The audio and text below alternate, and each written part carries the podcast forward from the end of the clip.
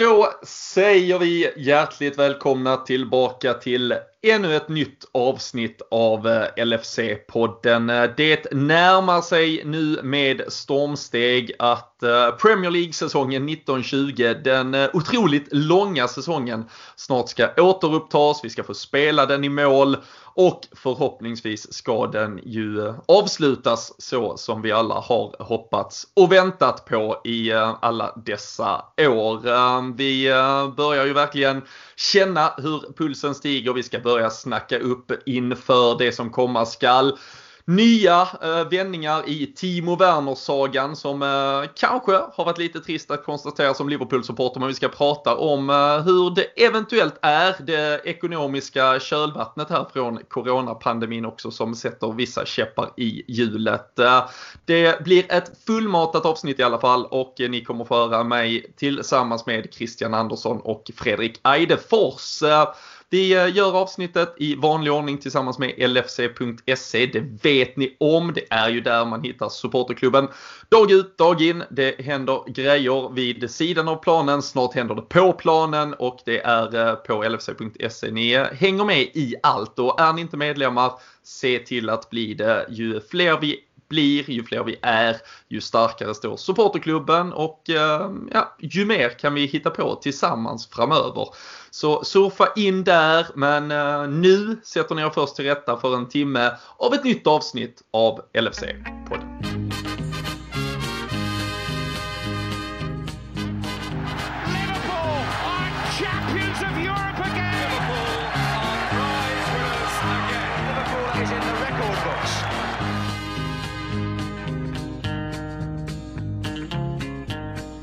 Jajamensan, vi är eh, tillbaka och eh, det börjar banne mig vankas eh, fotboll Christian Andersson. hur känner du dig i kroppen? Det är sommar på intåg på riktigt. Premier League kommer att komma tillbaka ganska snart. jag kan tänka mig att du mår helt okej okay, i alla fall. Ja, jag mår bra. Det känns faktiskt väldigt bra. Eh, det har varit väldigt lång tid nu utan vår kära fotboll. Eh, fotboll. Du ser, man har glömt till och med hur man uttalar. Glömt vad det heter. Är det på sport vi spelar? Eh, fotboll, även om det har dragit igång med tyska ligan och lite annat runt omkring och man har kunnat liksom i alla fall snegla lite åt det hållet så är det ju inte samma sak som Premier League och när Liverpool spelar. Så att, eh, nej, man har väl ändå någonstans känt sedan det togs beslut att det ska liksom gå in i faser där den ska kunna ta och göra en återstart av det så har det ju känts som att det har tagit evigheter. Man har väl väntat som ett litet barn på julafton. Men eh, nu är det faktiskt inte långt kvar. Så att, eh, hoppas bara att vi når hela vägen in i mål. och Att vi får tillbaka allt. Och då, då, då blir det fint. Ja, men det kommer det såklart att eh, bli. Men eh, annars eh, Fredrik, senaste veckan när det kanske ser ut att gå väldigt bra vid sidan av planen då innan vi visste om det skulle spelas någon fotboll så istället så fick vi besked om att nu är verkligen fotbollen på gång. Men då kom det besked om att hela den här Timo Werner-sagan som vi har suttit här och pratat så varmt om inte längre var så rolig och fick kanske ett eventuellt i alla fall lite dystrare slut än vad vi hade hoppats. Ja, det kan man ju faktiskt eh, lugnt säga och jag tror väl att hade vi inte varit i den här coronasituationen så hade han gått till Liverpool för att eh, jag tror att det var ganska uppenbart att det var första första valet både för honom och, eh, och klubben ville jättegärna honom. Eh, men eh, som, som det verkar fick ju Klopp ge beskedet själv och säga att nej, det funkar inte och vi kommer komma in lite på varför det här snart kanske. Men det känns ju lite som att Chelsea kom in som ett alternativ när, när Liverpool fick säga nej mer eller mindre. Men eh, vi vet ju inte riktigt vad som försiggår bakom kulisserna här. Men eh, känslan är väl sån i alla fall. Ja, vi ska eh, såklart eh, prata mer kring eh, Timo Werner. Men innan vi går vidare vill jag också passa på att eh, lyfta fram att eh, Sam Dodds har gett oss eh, möjligheten att lotta ut tre stycken matchtröjor med eh, valfritt eh, tryck, namn och nummer, kanske Champion eller något annat. Vi hoppas ju att det här verkligen ska bli mästartröjan. Eh, det här sista året vi kör med New Balance har ju blivit speciellt på alla sätt och vis. Och eh, jag personligen tycker i alla fall att det är en av de snyggaste matchtröjorna vi har haft på, eh, ja men jag vet inte hur länge, kanske någonsin. Jag älskar den verkligen och var väldigt glad när Sam Dodds hörde av sig och sa att de har massvis med tröjor över som de gärna lottar ut till lite folk där hemma. Vi har dessutom plockat fram två matchbiljetter till en valfri match när man nu än kan åka på fotboll igen. Det reserverar vi oss såklart för. Men vi har tagit fram två matchbiljetter i alla fall. Tre matchtröjor och eh, det enda man behöver göra det är att eh, hålla lite koll på våra sociala medier. Så finns där information. Eh, 20 kronor kostar det att liksom ges chansen att tävla. Men eh, förhoppningsvis så är ju värdet av det man kan få ut eh, mångdubbelt mycket bättre. Massa matchtröjor, matchbiljetter som sagt i potten. Så har ni inte redan sett det, sök upp LFC-podden på Twitter så får ni mer information. För eh, det där kan vara både tröjor och biljetter man vill lägga beslag på. Ska vi börja med Timo Werner kanske? Fredrik har satt lite ord på det. Christian, hur tog eh, du emot eh, nyheterna som eh, haglade in här i slutet av förra veckan? Först att ja, men Liverpool officiellt liksom i stort sett drar sig ur. Det är Chelsea som är på väg och om än inte bekräftat så är det ju från alla initierade håll ganska upplagt vad som kommer att hända. Ja, jag blir ju faktiskt besviken för att vi har ju ändå pratat mycket om det tidigare och det är en spelare som jag eh, personligen tycker om och gillar och jag ser även att det finns liksom kvalitet i honom som skulle kunna hjälpa Liverpool på det sättet att det skapar konkurrenssituation. Det finns möjlighet till förändringar och liksom han kan även få växa till sig lite även om han nu liksom pangar in mål i Bundesliga så eh, krävs det kanske att man någonstans eh, ja, man kommer in i Premier League och behöver anpassa sig lite. Men jag trodde faktiskt att det skulle vara den värvningen vi skulle göra i så fall i sommar nu när vi pratar Corona och situationen kring ekonomi och så. Men eh, eh, alltså, någonstans har det ju hela tiden flörtats. Klopp eh, mot Werner, Werner mot Klopp. Eh, Werner mot Liverpool och så vidare. Så att, eh, det har ju också pratats om att skulle det inte vara att han kom i sommar så hade han ju inga problem att vänta ett år till för att komma nästa sommar. Men jag förstår ju också att det lockar att Chelsea hör av sig. Eh, väldigt fint kontrakt på bordet. Kommer vara eh, första valet på anfallet, anfallet antagligen och vara den liksom, nya som kommer leda deras anfall. Så att jag förstår ju att det lockar och att Premier League lockar att man kanske inte vill vänta ett år och faktiskt inte vet vad som sker där heller. Så det är många faktorer som ska vägas in. Men min personliga känsla var att jag blev besviken för jag hade sett fram emot det. Jag tror att det var kunnat vara bra för truppen med att få den där konkurrenssituationen. Så att eh, alla håller sig på tå. Även om alla redan har presterat och gör det hela tiden. Så man måste förnya tycker jag när det har gått några säsonger med. Att man får in lite nytt blod. Jag tror att en klubb mår bra av det. Så att eh, tråkigt men inte hela världen heller ska jag också säga. Nej. Eh, vi satt ju här för eh, ganska många veckor sedan och pratade kring den ja, ganska trista situationen som höll på att uppstå där Liverpool gick ut med att man skulle permittera personal ja, men göra kostnadsbesparingar. Där tog man ju tillbaka det ganska snabbt igen. Peter Moore uh, uttalar sig ju samtidigt i samband med det att okej, okay, ja, men vi förstår, vi kanske ska ta egentligen ett, eh, ett annat typ av ansvar som eh, som fotbollsklubb i, i detta läge och så vidare. Men då måste vi också, vi kommer att få konstatera i framtiden att det kommer ha effekt på vår liksom dagliga verksamhet i övrigt. Inte för att jag kanske tror och vill tro något så eh, hemskt om någon som att det här är liksom en passning till supportrarna. Men samtidigt så kanske det var egentligen den här eh, sanningen han pratade lite om att ifall vi inte anpassar vår kostym just nu då får i alla fall fansen vara beredda på att vi måste anpassa andra saker framöver, eh, Fredrik.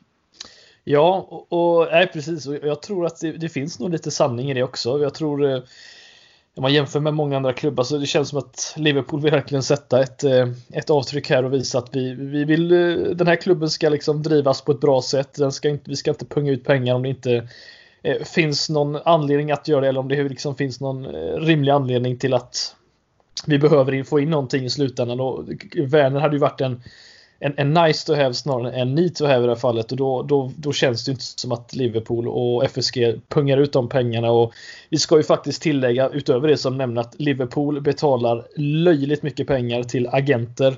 Eh, vilket betydligt mer än många av de här storklubbarna eh, i, i, Premier League också. Bara, jag tror det var förra året fram till 2019 så betalade Liverpool ut dryga 44 miljoner pund i bara agent fees. Så det är rätt mycket med tanke på att City ligger på dryga 25. Så att det finns mycket bakomliggande pengar som eh, som man kanske inte ser och inte bara transfersummor här som är, är det väsentliga. Så det, det, finns mycket bakomliggande som jag tror inte många kanske eh, ser eller läser sig fram till. Mm ett eh, scenario som, som egentligen är fullt rimligt men som vi faktiskt inte har eh, något bekräftat svar på än. Men eh, det är ju på grund av alla förändringar i de internationella spelschemana så uppges det ju också bli som så att Afrikanska mästerskapet som är planerat till januari-februari här efter eh, årsskiftet egentligen, eh, början av 2021, kommer att skjutas upp till eh, januari 2022 istället. Och då som vi pratar om eh, need to have, nice to have. Om fronttrion ändå är där eh, Christian eh, vecka in vecka ut.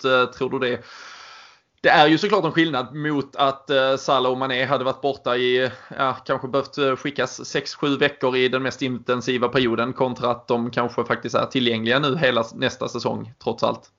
Ja, det är ju en hemsk tanke egentligen när man pratar om Afrikanska mästerskapen och att de skulle vara borta så länge. Då eh, står man ju utan ett väldigt kraftigt manskap framåt. Och, eh, rykten har väl ändå sagt också att Klopp hade väl sett det som att Werner hade kunnat vara den att spela in i ett lag när de hade försvunnit och liksom på något sätt anpassa han för Premier League och klubben på det sättet. Men eh, Likväl som Fredrik är inne på, det finns ju så många andra faktorer just nu. Vi har pandemin som gör vad den gör med ekonomin. Det kommer inte in några publikintäkter. Även om det inte är vad klubben lever på på det sättet så är det mycket pengar som kan användas till olika Eh, på olika sätt. Och sen så har vi även, det pratas då om Alisson och van Dijk och kontraktsförlängningar som inte är korta kontrakt och med en löneökning för dem så är det också mycket pengar och man kanske ser det som att de är också två viktigare såklart spelare för klubben med vad de har bidragit med sedan de kom till Liverpool. Så att det finns många olika faktorer som spelar in och ser man då också på det som sägs att det, Timo Werner hade kostat 100 miljoner pund cirka med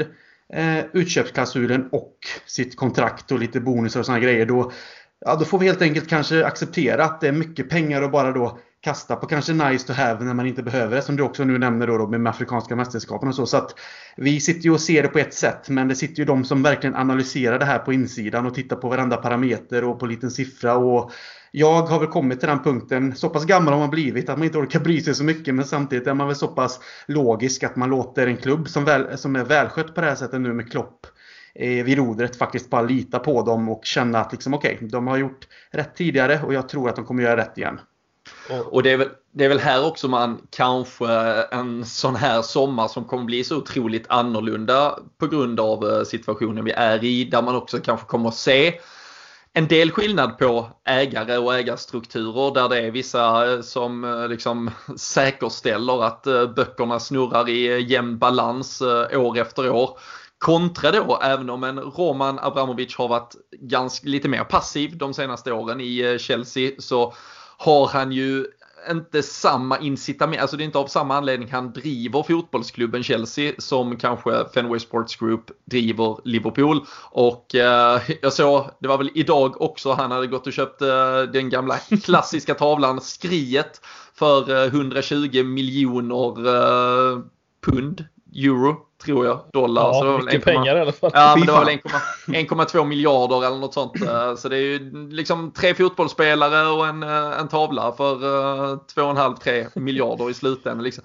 Men det, det, blir väl lite så Fred. Alltså det är ju ganska uppenbart att snurrar inte Liverpool in pengar själv och det pratas om eventuella återbetalningar till tv-bolagen. Det är eventuella prispengar. Vi vet att det är matchday revenue som försvinner och så vidare. Och vi kan ju bara titta i listorna från de senaste 5, 6, 7 år. Alltså netspend och det kan man ju skoja om hit och dit. Men där, där ligger vi ju aldrig högt liksom. Och vi vet att den där Coutinho-försäljningen antagligen är det som betalade både van Dijk och Allison och det ska vi ju vara jävligt glada för. Men när det inte snurras ut några spelare, vilket vi heller inte riktigt hoppas på, utöver spelare som vi kanske inte får tillbaka det värdet man hade hoppats på heller på grund av den här situationen, så så sätter vi oss kanske i den här situationen. Ja, jo, jo men absolut. Och, och sen får man ju tänka på att Chelsea har ju här, om du tar dem i det här fallet, de har ju haft en en transferban som eh, de har väl inte köpt spelare på, på ett, ett fönster så att det finns väl någonting att hämta där också. Eh, sen tänker man så här att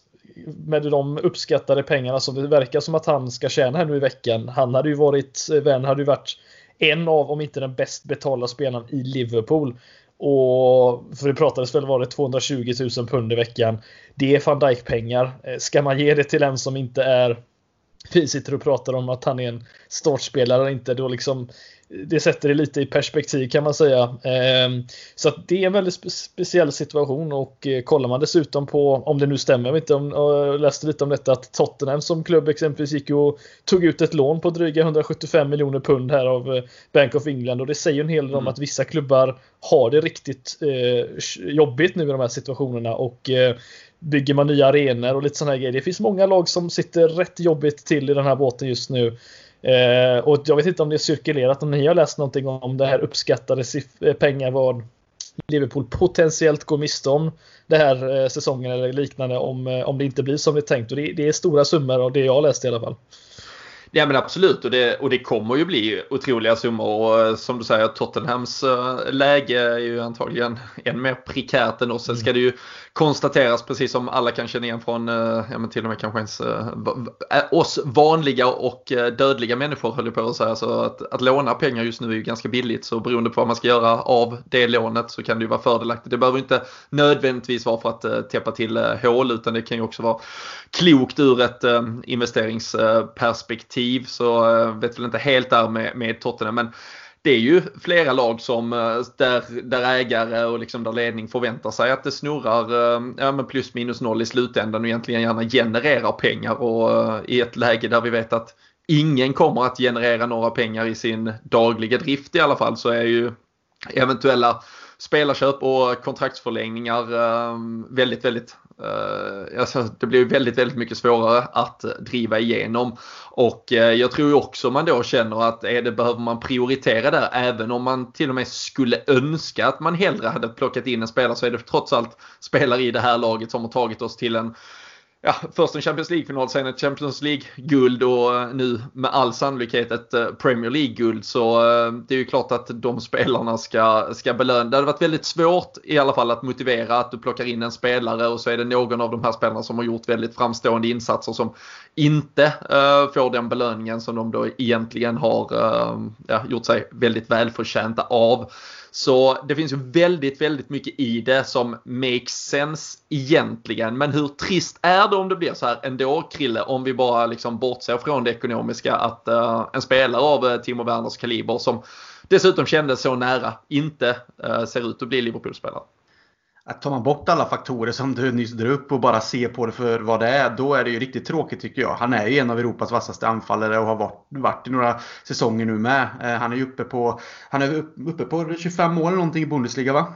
Mm. Eh, och det är väl typ andra säsongen han ligger på de siffrorna, eller tredje säsongen till och med. Och han har en del assist, man gjorde assist nu i helgen igen. Så att det är ju en spelare med poäng i sig. Det är en spelare som är fortfarande ung, som kan utvecklas och bli ännu bättre. Landslagsman, jag menar det det ser man också till om man tittar på det utanför boxen med Corona och ekonomiska problem och så vidare och man tar bort alla de faktorerna så är ju hans utköpsklausul också en, en summa som inte är stor i dagens eh, fotboll. Liksom. Vi har ju sett sådana helt otroliga summor och betalat större summor för andra typer av spelare med. Så jag menar, det är egentligen den utköpsklausulen känns ju som att det borde vara en coronapeng om ni förstår vad jag menar. Om man hade tänkt att han faktiskt, hans värde kanske hade varit det dubbla egentligen om man ser till vad han presterar och vad han genererar i poäng. Men när läget är som det är, då får man helt enkelt ta det för vad det är också. Men givetvis är det tråkigt om man tar bort de glasögonen. För det är en spelare som jag tyckte var intressant nu i i alla fall två säsonger när jag tittade lite mer på honom. Men också som jag tror skulle passa bra in i, i Liverpool. Också känslan att han vill, eller ville då, spela under Klopp och att Klopp också vill ha honom. Den matchningen får man heller inte glömma. att Klopp ser väldigt mycket på vilken typ av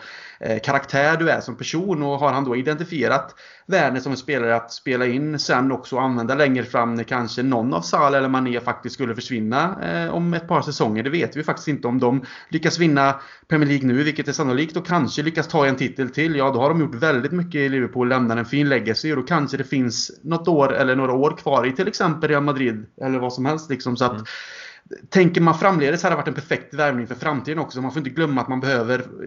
Man vill inte bygga om ett helt lag som många andra klubbar har gjort för misstag tidigare. Och även vi har gjort eh, det misstaget tidigare. Att vi inte har liksom tagit in någon spelare som kan ersätta någon annan under tid och så. Så att eh, ser man på det så, så tycker jag det är väldigt tråkigt. Men jag ligger ju heller inte sömnlös över det just för att jag känner att det laget vi har har fortfarande väldigt stor utvecklingspotential. Och vi har antagligen det bästa laget i Premier League och ett av de bästa lagen i Europa och världen. Så att det är ingenting som är kritiskt ännu. Men det är tråkigt att tappa den typen av spelare.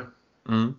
Uh, Chelsea, Fredrik, alltså uh, om man uh, då ska vara lite uh, raljant när Liverpool är så bra som vi är nu. det känns ju ändå som ett par pinnhål ner och även om Liverpool behöver dra sig ur så måste det väl också säga något om marknaden i övrigt ifall det inte är något mellanting mellan Liverpool och Chelsea som blir ny adress för Werner. Verkligen. Eh, sen är frågan hur stora de här pinnhålen är kommande säsonger framåt. Det är, det är ju en grej som vi har diskuterat och vi säkerligen kommer diskutera här när säsongen är över och vi ska diskutera det blir silly season, hur det nu blir den här sommaren eller, eller hösten. Men eh, ja, det är just det här med eh, Tyskland vill han väl inte, han ville väl få en, en, ny, en ny utmaning och eh, det känns som att City pratade, diskuterades det lite om, bara lite snabbt så här lite rykten men jag tycker Chelsea är en ganska bra destination för honom faktiskt. Mm. Chelsea kommer ganska sannolikt med det laget de håller på att bygga nu nog att utmana om en tredje, fjärde, eh, ja, en andra, andra tredje plats säkerligen nästa säsong om de fortsätter så här. De har även hämtat in eh, Ziyech också ska vi inte glömma från Ajax. Så att de, de ser farliga ut men eh, Eh, förhoppningsvis är det ett stort hopp mellan oss fortfarande, men eh, det återstår att se. Mm, ja, men det gör det. Um, tror du uh, det finns någon uh, chans att vi uh, plockar någon annan tysk, ung, lovande anfallsspelare istället nu? Jag, jag, jag, har ju suttit här Robin och, och Christian och, och slått på Havertz-drömman men när det inte finns pengar till Fortsätt slå! Ja. Jag, jag, gör det gärna. Nej, men, du måste eka ner till Leverkusen. Han börjar ja, vandra i natten. Eh, nej men det är han, eh, vad är han heter nu, den här karismatiske norrmannen, eh, Fjortoft, vad heter han, Jan-Åge. Yes. Eh, det var väl han som varit, prat, varit ute idag och sagt att han hade ringt till någon eh, kontakt i Liverpool och det verkar inte då enligt eh, från honom att det ska finnas så jättemycket för Liverpool att köpa den här, den här gången. Och, Nej, det, om det blir någonting så hoppas jag att det blir det om det är så att någon försvinner. För att det har väl ryktats om sex spelare som potentiellt ser ut att kunna gå den här efter säsongen och eh, Origi Shakiri finns med där och eh, vad finns där bakom då boys? Inte mycket. Nej. Nej. Det är just det, ja, men det är just det som är grejen att eh, ska vi, ja, säljer man det då finns ju fortfarande pengar att hämta in en spelare i alla fall. Men eh, det är frågan om hur, hur länge man, den här truppen orkar ligga, ligga på den här nivån. Om det här är liksom orkar de det utan att behöva eh, liksom rotera särskilt mycket eller behöver vi få in någon som faktiskt kan hålla en högre klass där? Det är ju där vänner hade kommit in i så fall. Men eh, jag tror att det blir eh, Netspend Boys will be quiet tonight som de eh, sa en gång. Ja. ja, men det jag tror är ju, alltså det jag tror har gjort skillnad. Jag tror mycket väl det kan bli att vi eh, värvar, men att vi vill titta av eh, marknaden på vad vi kan sälja och till vilka summor det plötsligt blir. För räknar man på summorna. Det pratades förra sommaren när vi var kanske på ja, men den absoluta piken marknadsmässigt. Då var det ju liksom en Harry Wilson som skulle gå för 25 miljoner pund och eh, eh, en, en Marko Grujic kunde vi ju egentligen bara ja, men ge bort och ändå äh, hämta kassakistor äh, hit och dit. Och äh, liksom Dejan Lovren till, till Roma skulle kunna ge mer pengar än vad vi köpte han för i stort sett trots att liksom man sjunger på äh, sista raderna här. Och där tror jag att man själv är ganska inte rädd kanske men försiktig i alla fall i uh, hur det kommer att faktiskt se ut. För jag tror att de där världsspelarna och de här riktigt, riktigt stora, de tror jag fortfarande kommer gå för kanske inte exakt samma pengar men väldigt nära för där finns det så mycket marknadsvärden vid sidan av och det kan vara alltifrån liksom eh, ett Instagramkonto till eh, deras eh, skoavtal eller vad fan som helst som ändå gör att det snurrar otroliga pengar på just de typerna av spelare. Men just en sån som Shakiri, framförallt liksom skadad eh, och inte riktigt kommit upp i vem vågar chans då är det plötsligt inte de absoluta storklubbarna. Det pratades om en, ett Newcastle, där kan man bara hoppas att det plötsligt kommer liksom ännu ett nyrikt medelmåttigt lag som överbetalar. Men skulle det istället bli liksom, ja men Origi skulle gå till ett, ja men ett Schalke kanske eller vad fan som helst. Alltså då, då tror jag inte plötsligt, jag tror inte det är de där pengarna längre för den typen av spelare. Och där tror jag att Liverpool i så fall i alla fall kanske vill ha sålt en eller två eller tre av dem eller i alla fall känna att de är i förhandlingar för att se vilka ungefärliga summor det, det handlar om att man faktiskt kan få in. För det skulle ju kunna landa i att ja, men alla de här vi nämnde, om vi tar Harry Wilson, Grujic, Shakiri och Origi blir sålda och det kanske blir eh, de här summorna det pratades om förra sommaren och då är det plötsligt en 7, 8, 900 nästan liksom miljoner som kommer in där.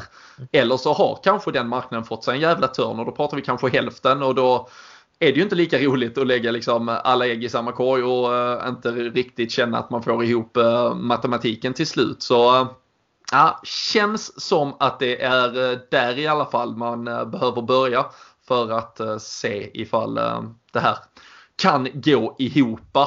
Men eh, Krille, om du hade bara fått välja, tänka, drömma lite i förhållande till att ja, men antingen plocka tillbaka, spela på den truppen vi har eller är målsättningen ändå att försöka göra ett eller två byten och skifta upp. Vi har pratat mycket om det där kanske position 12, 13, 14 snarare som ska uppgraderas än något annat.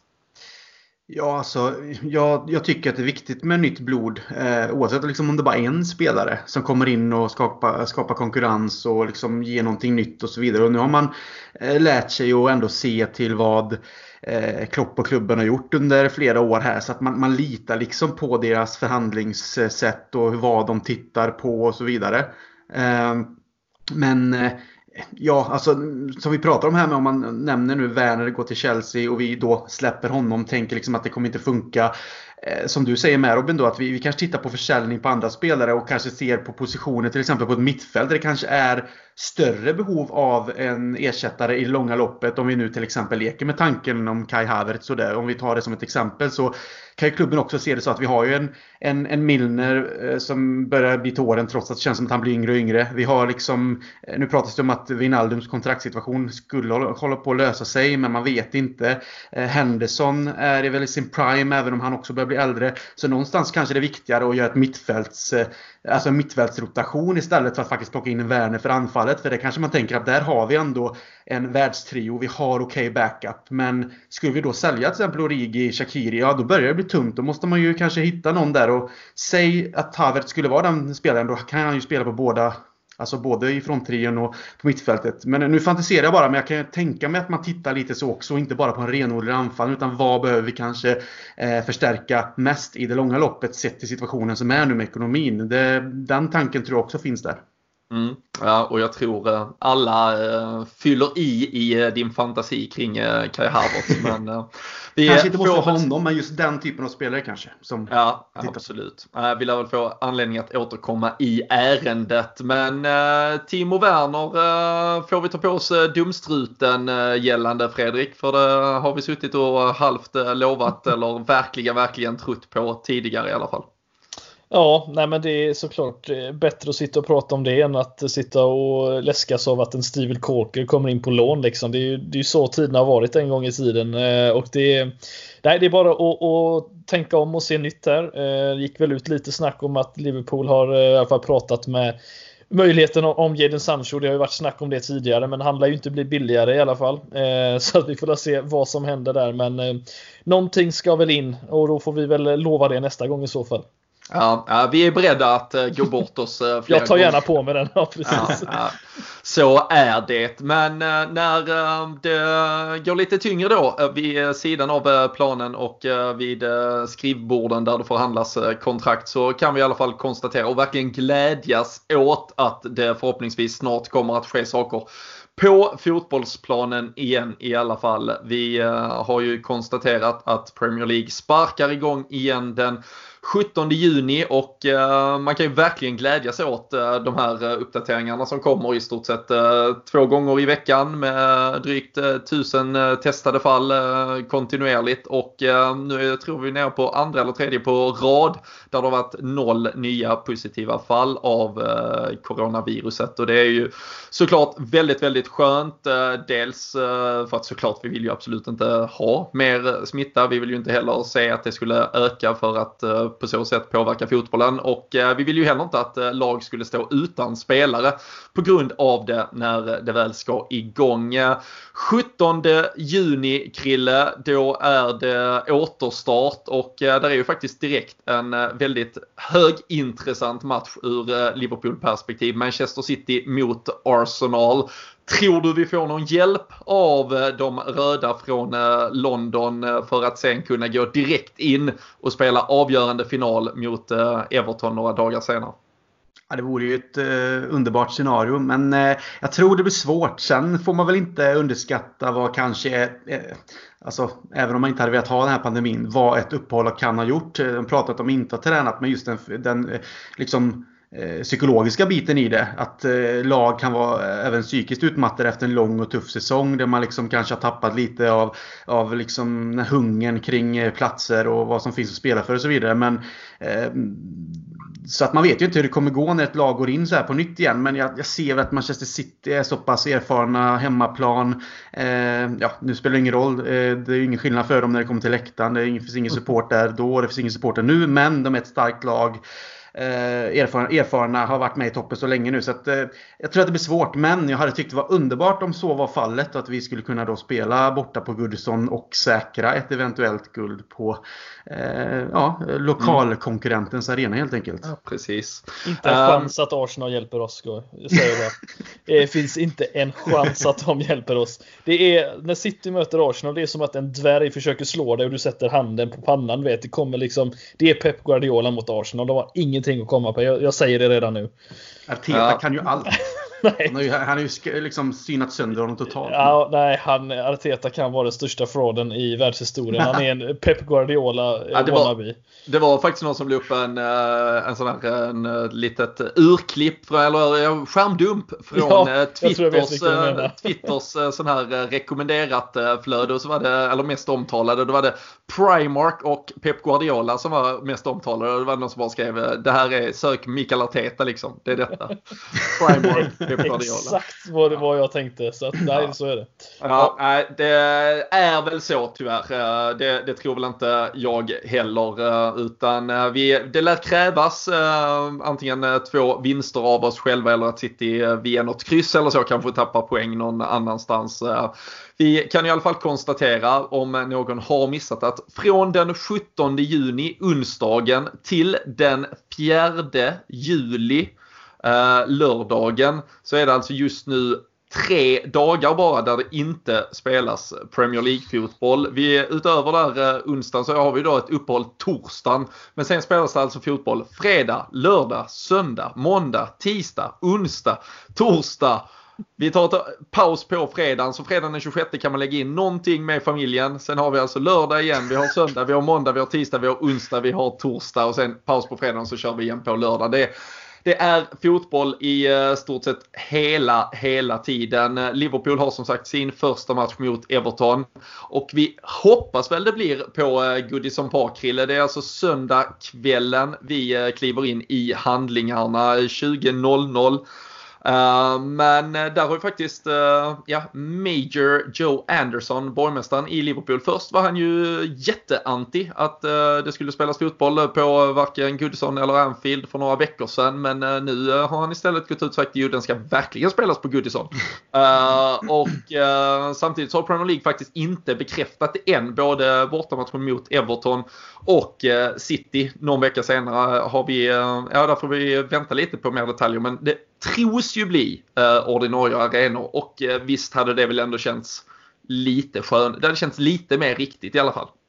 Ja, sett till att det inte kommer vara publik på plats och vad det ändå ger hela sporten, fotboll och alla sporter egentligen om man tänker på det så hade det ju känts i alla fall som att man, man spelar ordentligt. Du får i alla fall din hemmaplan då i Evertons fall det här och när vi spelar så får vi Anfield. Och det, jag tycker att det känns skönt för en neutral plan kan man ju prata om att det skapar samma läge åt båda hållen men det, det blir ju inte samma sak. Inte ens att titta på TV faktiskt om man ska vara helt ärlig för man känner ju ändå igen sin arena. Det gör man ju liksom. Man, så att, eh, jag tycker det är skönt att de kan komma fram till att det fungerar oavsett lag, oavsett städer. Sen pratas det om lite högriskmatcher och sånt, men det är jag inte så insatt. Men eh, ja, så länge det går att spela på hemmaplanen för fotbollsklubbarna så, så tycker jag det är jättepositivt det känns väl också som eh, det där med högriskmatcher och eventuella folksamlingar och sånt. Det, det drunknade lite i eh, alla folksamlingar som har eh, varit de senaste tio, alltså i sig och i väldigt många fall av helt rätt saker och det stöttar jag till 100%. Sen är det ju tyvärr alltid idioter som ställer till det och tar lite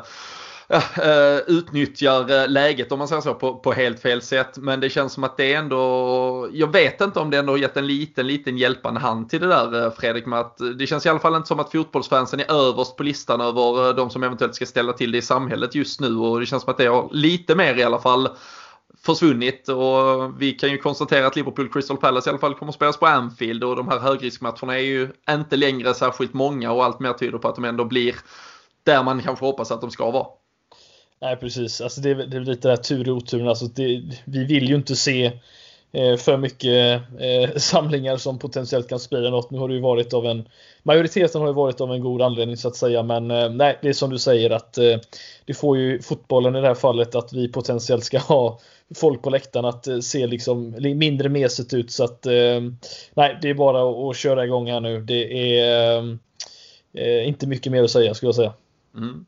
Vi, vi kommer ju såklart komma tillbaka till detta och nu när matchspelandet eh, väl kommer igång. Det blir intensivt. Vi eh, kommer att köra på med avsnitt eh, hela sommaren eh, såklart. Eh, det blir absolut inget eh, sommarlov nu utan vi kommer ju istället försöka att eh, växla upp precis som vi brukar att eh, köra avsnitt både innan och efter så många matcher vi bara kan och vi, vi försöker väl hänga på i eh, samma tempo som eh, Liverpool helt enkelt. Men eh, det som nu ser ut att kunna bli en potentiell guldmatch i så fall Krille, det är onsdagen den 24 juni Liverpool Crystal Palace 21 och 15. Är där ett stort rött kryss i kalendern där nu? Ja, ja, det, det, det är det ju. Och man Eh, Eh, det är ju det man går och hoppas ändå. Liksom. Eh, nu när vi har fått vänta så här länge så tycker jag att vi kan göra resan kort när vi väl kör igång igen. Men eh, du pratade innan om det här med att det är så tätt matchande och jag tyckte det var lite kul att säger att ja, men det finns någon fredag här och där där man kan då lägga in någonting med familjen. Jag tycker om att du tänker så, för det gör vi, det gör vi kanske de allra flesta nu som, som sitter i den här fotbollsbåten och bara väntar på att det ska ska dra igång. Eh, jag skickade ett eh, potentiellt spelschema till min sambo när hon har varit iväg lite så här och skickat till henne och sa att så här ser det ut. Och då var hon verkligen, svaret var väldigt så här blankt tillbaka bara, ska du se all fotboll? Och jag var så ja, kanske så mycket som möjligt i alla fall. Men det säger ju en del om hur den här abstinensen ändå är. Att man, man vill ju se liksom så mycket som möjligt för att det är Premier League. Men just den matchen, såklart, beroende på vad som sker eh, dessförinnan. Men det finns också en chans där att det fanns någon AV-tanke där på, på nya jobbet och sånt. Jag har redan där sagt att jag hade preliminärbokat för min del för det finns en potentiell chans där att Liverpool kan bli ligamästare. Så att eh, ingenting ska kunna störa oavsett var man kommer vara. Om man kommer vara hemma eller ha möjlighet att träffa någon så är det den eh, dagen som nu är, mm. är inbokad för just den det, delen. Det är ingen som har tagit tidig semester av er eller? ja, jag har semester. Jag är lugn. Jag, du har det? Jag, jag, njuter, eh, jag njuter redan och ja. jag tänkte göra det ett tag. Eh, lite, lite ofrivillig semester i Sverige dock. Skulle suttit på ett plan till Bali i eh, lördags. Men, så nu är jag hemma istället. Men då kan jag verkligen koncentrera.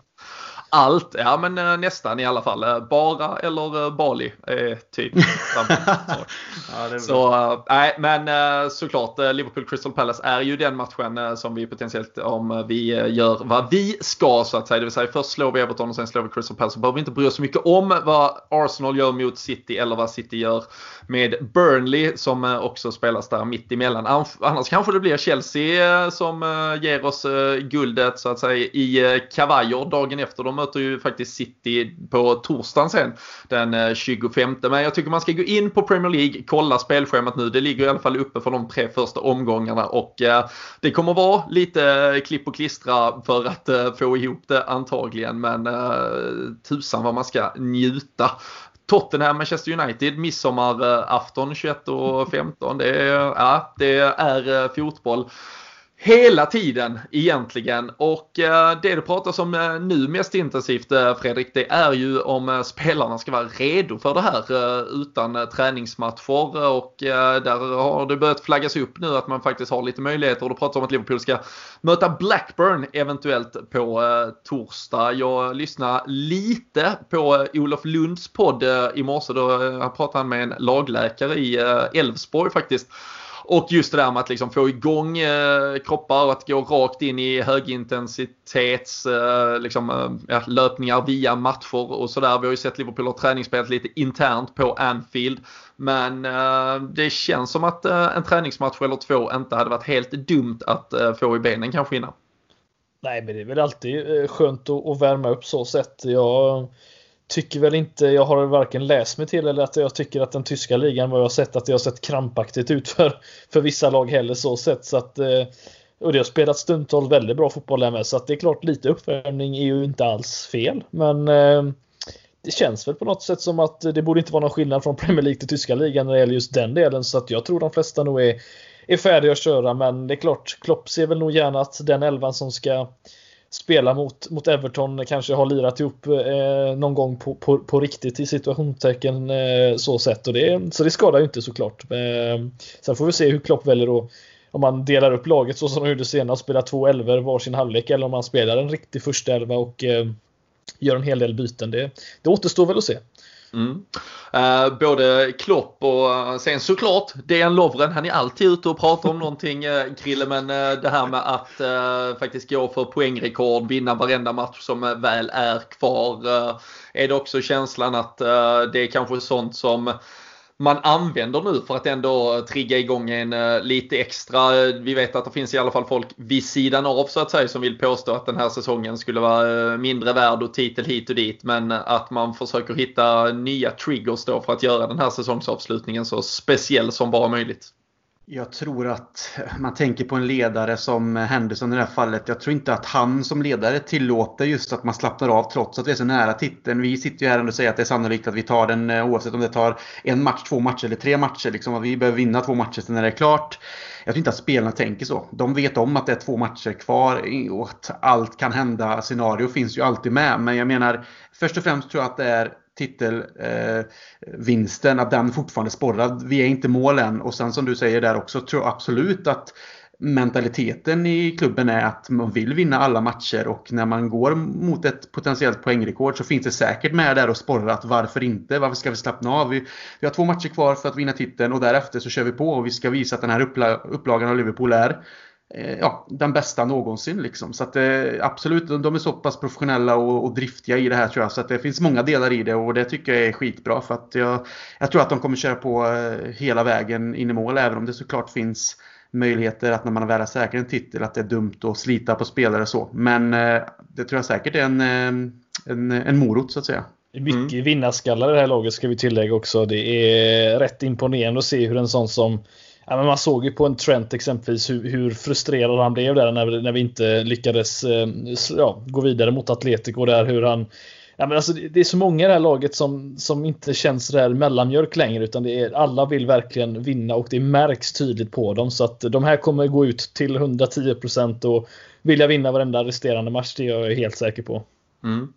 Um, bara för att gå tillbaka en grej till där som jag uh, tog, uh, tog med mig från uh, den här intervjun jag lyssnade på idag. Sen faktiskt ytterligare en för att lyssna på eh, BP's eh, sportchef eh, Peter Kisfaludi i en annan podcast. Det här blir lite sidospår men ganska kul. Och det är du otrogen mot oss Robin? Ja men det gör jag. Ska jag lyssna på något så, så tar jag hellre kanske något annat än att återhöra mig, mig själv faktiskt. Men där pratar dels den här lagläkaren i Elfsborg pratar om det här med att fem byten som man kommer att introducera i, på många arenor eller många ligor ligor nu här.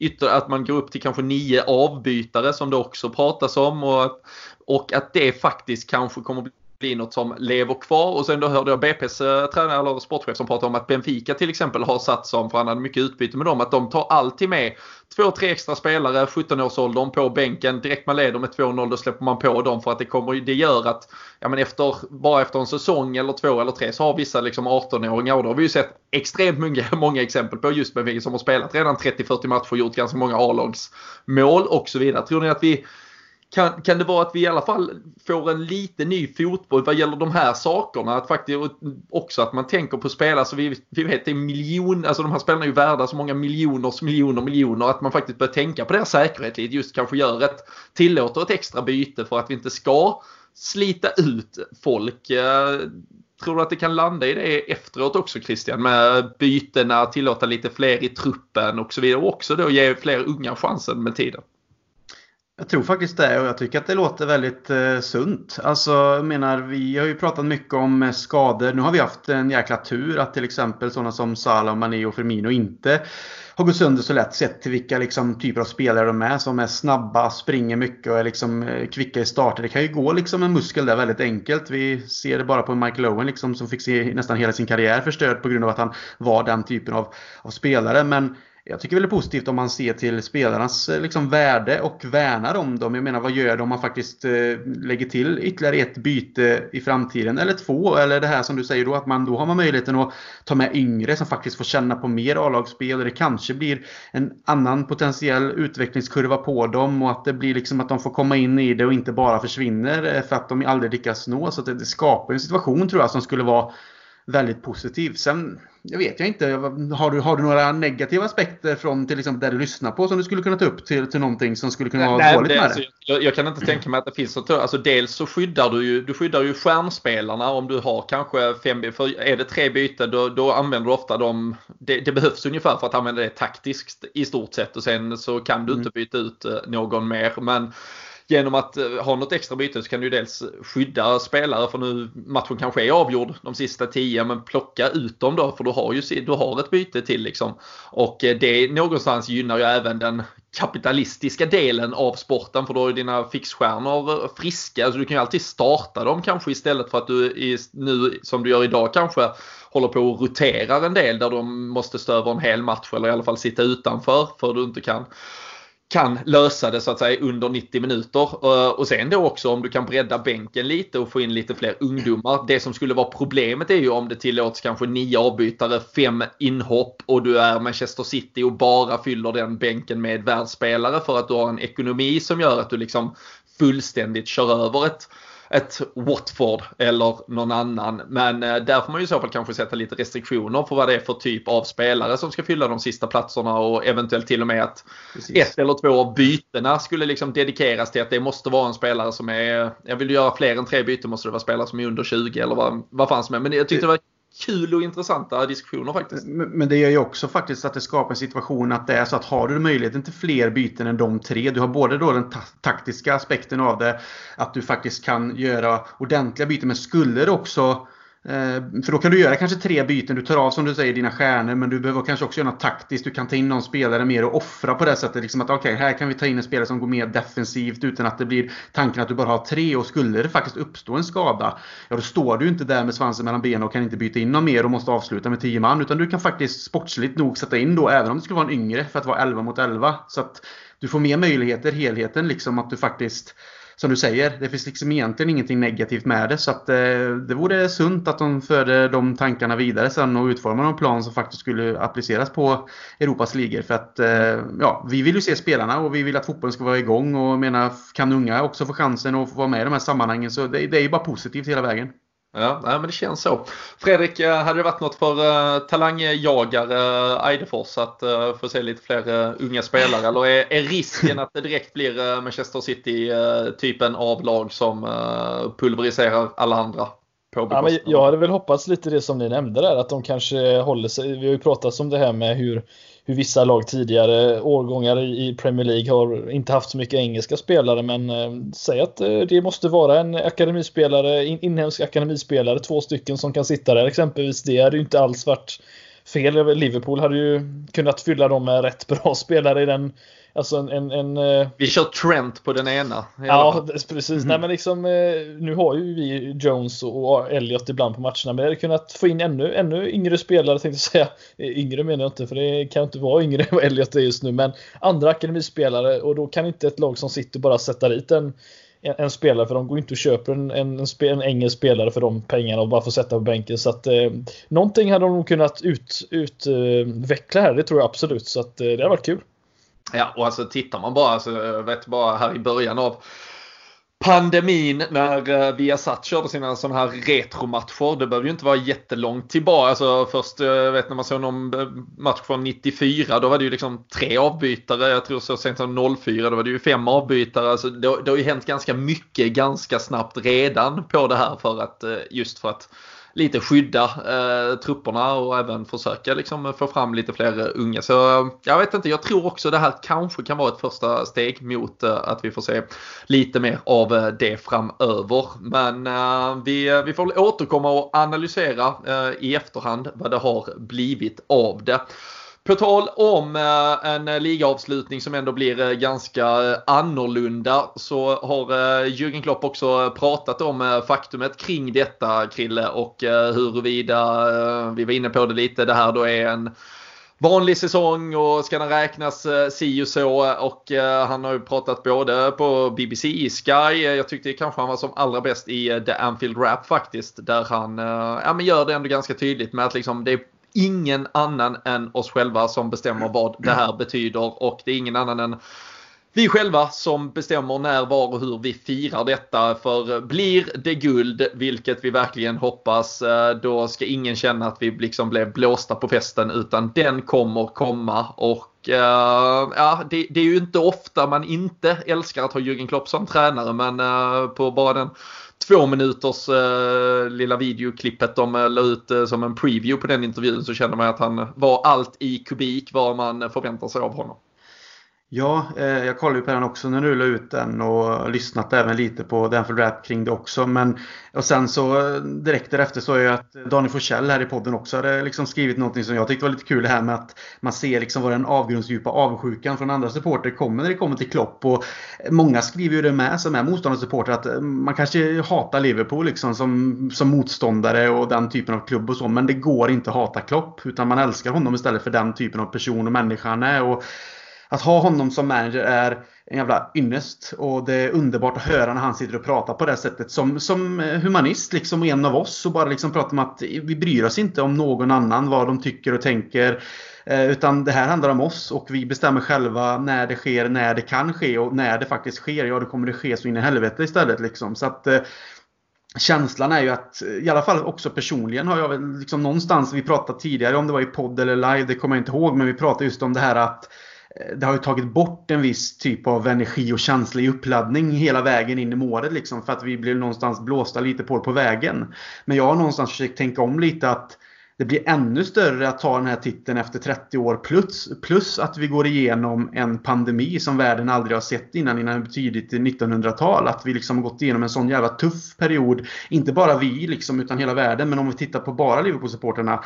Det är också det här att göra det tillsammans, kämpa för det. Nu får vi spela av det, vi kommer eventuellt ta guldet och då kommer den här titeln inte, inte glömmas bort som andra säger. Utan jag tror fan att han kommer komma ihåg ännu mer för vad det faktiskt blev, hur vi, hur vi vann och varför vi vann och i vilken situation vi vann. Så att alla andra kan säga vad de vill men jag tänker inte låta någon ta det ifrån mig. Liksom. Har vi väntat så här länge så ska vi bara följa Klopp i de fotspåren och så fäster vi till det ordentligt när vi väl får det. Mm. Tror du det blir en eh, bra eh, fest på uh, tysken Fredrik när, när han väl får Ja, han, han påstår att han inte var eh, påverkad när vi vann Champions League, men eh, ja, jag, jag, litar väl inte riktigt på det statement. Jag, han, han, var för glad nästan för att, för, för att vara så nykter som han påstår att han var. Men eh, nej, jag tror det blir, eh, blir ett firande. Eh, det tror jag han eh, så är det klart att jag tror att alla i klubben hade ju helst velat fira det så som vi vann Champions League och verkligen bara ut på stan med, med den här turnébussen, till säga, med den här dubbeldäckaren och bara liksom njuta av allting. Men eh, nej, fyra kommer han ju definitivt att göra. Det, det, det är helt säkert. Han känns ju även som typen som han kommer liksom inte på något sätt glömma av det där utan det kommer ligga med honom hela tiden. Så när det väl finns möjlighet att samla, som han säger också i den intervjun där, miljontals människor likt Champions League-paraden som du nämner Fredrik, så kommer det vara det som antagligen sker. Det han är den typen av person liksom, så han vet vad det kommer betyda både för folket och för klubben och för honom själv antagligen när han väl blickar tillbaka på sin karriär att det är ett moment som inte han vill missa heller. Så att eh, nej, jag tror inte att vi behöver vara oroliga för att det inte kommer bli glädjescener i Liverpool den dagen det går att samla de typen av mängder av människor. Nej men precis, vi kan ju konstatera för att återknyta säcken till eh, FSG där vi, där vi började allting i stort sett. Eh, de kommer ju av allt att döma inte ha möjlighet att vara på plats faktiskt heller för att se någon av eh, matcherna eller liksom vara med i någon form av avslutning med tanke på att England idag eh, skärper sina karantänsregler så det är 14 dagar karantän på alla som reser in i landet. Eh, så att eh, komma utifrån och tänka sig att man ska vara med i något. Sen finns det ju säkert en miljon olika undantag man eventuellt kan förhålla sig till och äger du en eh, verksamhet som eh, snurrar x antal eh, miljarder hit och dit så kanske det skulle kunna gå. Men ehm, den, den info som kom ut idag var att det såg väldigt mörkt ut för FSG att kunna vara på plats i samband med någonting här. Och man kan väl tänka sig att de såklart också vill spegla sig i glansen. Vi såg ju Linda Pisutti tog god plats på Champions League-paradbussen senast och jag kan ju tänka mig att de vill se till att deras, ja, men deras persona och deras liksom, insats på något sätt ändå är med i hyllning och det ska den ju vara. Sen kan man tycka det, om det är rätt, rätt, eller fel och så vidare i hur mycket de bör synas. Men jag, jag, tror att det ligger i allas eh, intresse att eh, i slutändan få, få verkligen hylla alla parter som har varit med och gjort eh, detta möjligt. Och, eh, jag är helt säker att man kommer göra det. Vi eh, kanske kan vänta eh, Krille till eh, Everton har byggt sin nya arena nere i Albert Dock så hyr vi den och så kör vi festen där nere. Ja det kan vi göra. Jag vet inte, är den eh, planerad? Ska den byggas eller hur ser det ut där? Planerna är jävligt bra i alla fall men eh, ja. vi får se. Om, jag, tror inte, jag tror inte de sista detaljerna är klubbade. Ens. Det är så man ser det laget överlag. Liksom att, vissa gånger har det sett okej okay ut men det blir aldrig som de tänkt sig. Så att, Nej. Lite så är det. Eh, ja. Verkar ju faktiskt vara ett av få lag som dessutom har en hel del skadebekymmer nu. Eh, på något märkligt vis har de lyckats med det in, eh, inför um, återstarten. Jeremina var väl borta helt i alla fall och dessutom blir några spelare till. Men nästa vecka är det ju faktiskt dags för oss att börja prata upp en fotbollsmatch. Hur taggad är du för det Fredrik? Eh, ja du, eh, ungefär som när Klopp sprang in och firade med Alisson när eh, Origi gjorde mål mot Everton glad ungefär. Så om, om jag är podden på måndag så jag är Alisson då helt enkelt och du är eh, Klopp som omfamnar. Jag är Klopp, precis. Det är, och, och, du är väl den som är mest lik Alisson också ska jag ändå säga. Så det, det, är helt okej. Okay. Ja men det känns, det känns mycket Han har klippt sig också. Ja nu har han, han har styrt upp det lite. Han måste ju ha fått löst det själv. Jag tror inte fortfarande frisörerna är väl det sista som skulle öppna i, ja. i England. Så där är ju ett par Uh, lite mer ovårdade frisyrer än uh, vanligtvis men, men det gillar man ju än, uh, ändå. Och uh, Krille jag kan tänka mig att du är lika sugen som Fredrik och mig och alla andra på att sitta här om en dryg vecka och börja snacka upp en fotbollsmatch.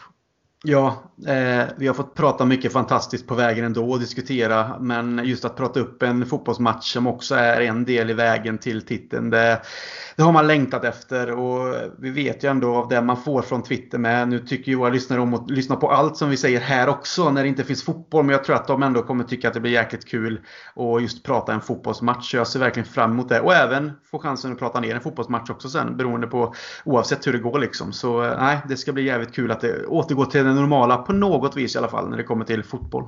Ja, nej, verkligen. Det, det kommer att bli Underbart! Det kommer bli riktigt jäkla fantastiskt. Och eh, fram till eh, den där Everton-matchen, vi hinner ju som sagt komma tillbaka minst en gång till innan. Men eh, vill ni vara med och tävla om eh, tre stycken matchtröjor från Sam Dodds där man kommer få trycka vad man vill på i eh, slutändan. Och eh, även då några matchbiljetter som vi slänger in i potten till när vi får lov att börja fylla upp Anfield igen. Så eh, tycker jag ni ska gå in på eh, Twitter, på vårt konto där, LFC-podden. Det finns ett fastnålat eh, meddelande där man läser allt om hur man går tillväga.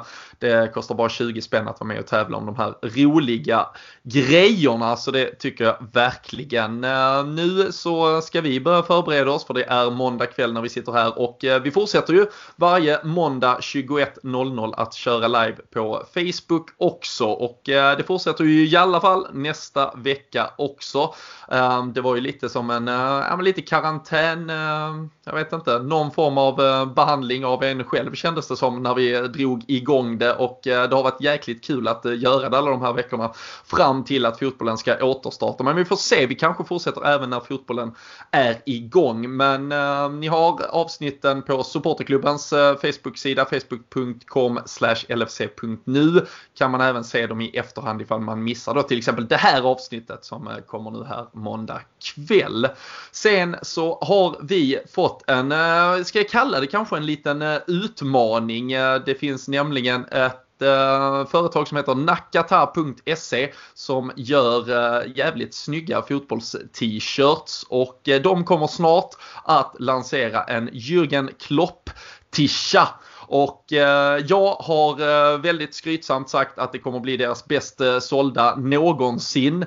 Och de skrattar bara åt mig för de hade en Bergkamp och Henri-tröja här för några veckor sedan som sålde jäkligt bra och de tror aldrig det kommer vara möjligt att en Klopp-tröja säljer bättre. Men som sekten brukar säga, vi är eh, störst, bäst och odrägligast. Så min eh, uppmaning till alla det är faktiskt att man går in på nakata.se och just nu så äh, ligger den liksom inte live, den har inte kommit ut än men man kan signa upp sig för att man ska ha så här early access så att man får info direkt den kommer. Ehm, vi eh, ska försöka lirka fram en rabattkod tills dess också. Men eh, gå in på nakata.se. Eh, gamla hederliga Hidetoshi Nakata är det som har namngett detta. Så skicka in där att ni vill ha information för när klopptröjan kommer så ska vi se till att lägga beslag på varenda en av dem och så kommer de bli chockade så in i helvete. Så kan vi ha den på oss när Klopp väl bjuder in till fest när tusan det än blir. Men uh, det där var nog orden från oss idag. Ytterligare en härlig timme till LFC-poddens historia nästa vecka. Då sitter vi som sagt och eh, snackar upp en fotbollsmatch igen. Det ska bli för jävla kul. Kanske har varit en träningsmatch innan. Då har vi kanske något att eh, snacka ner också. Beroende på vad man har kunnat ta del av från den. Fredrik Christian, ha det så bra. Ni där hemma, ha det fint. Ta hand om er, håll avstånd, tvätta händerna så hörs vi snart igen.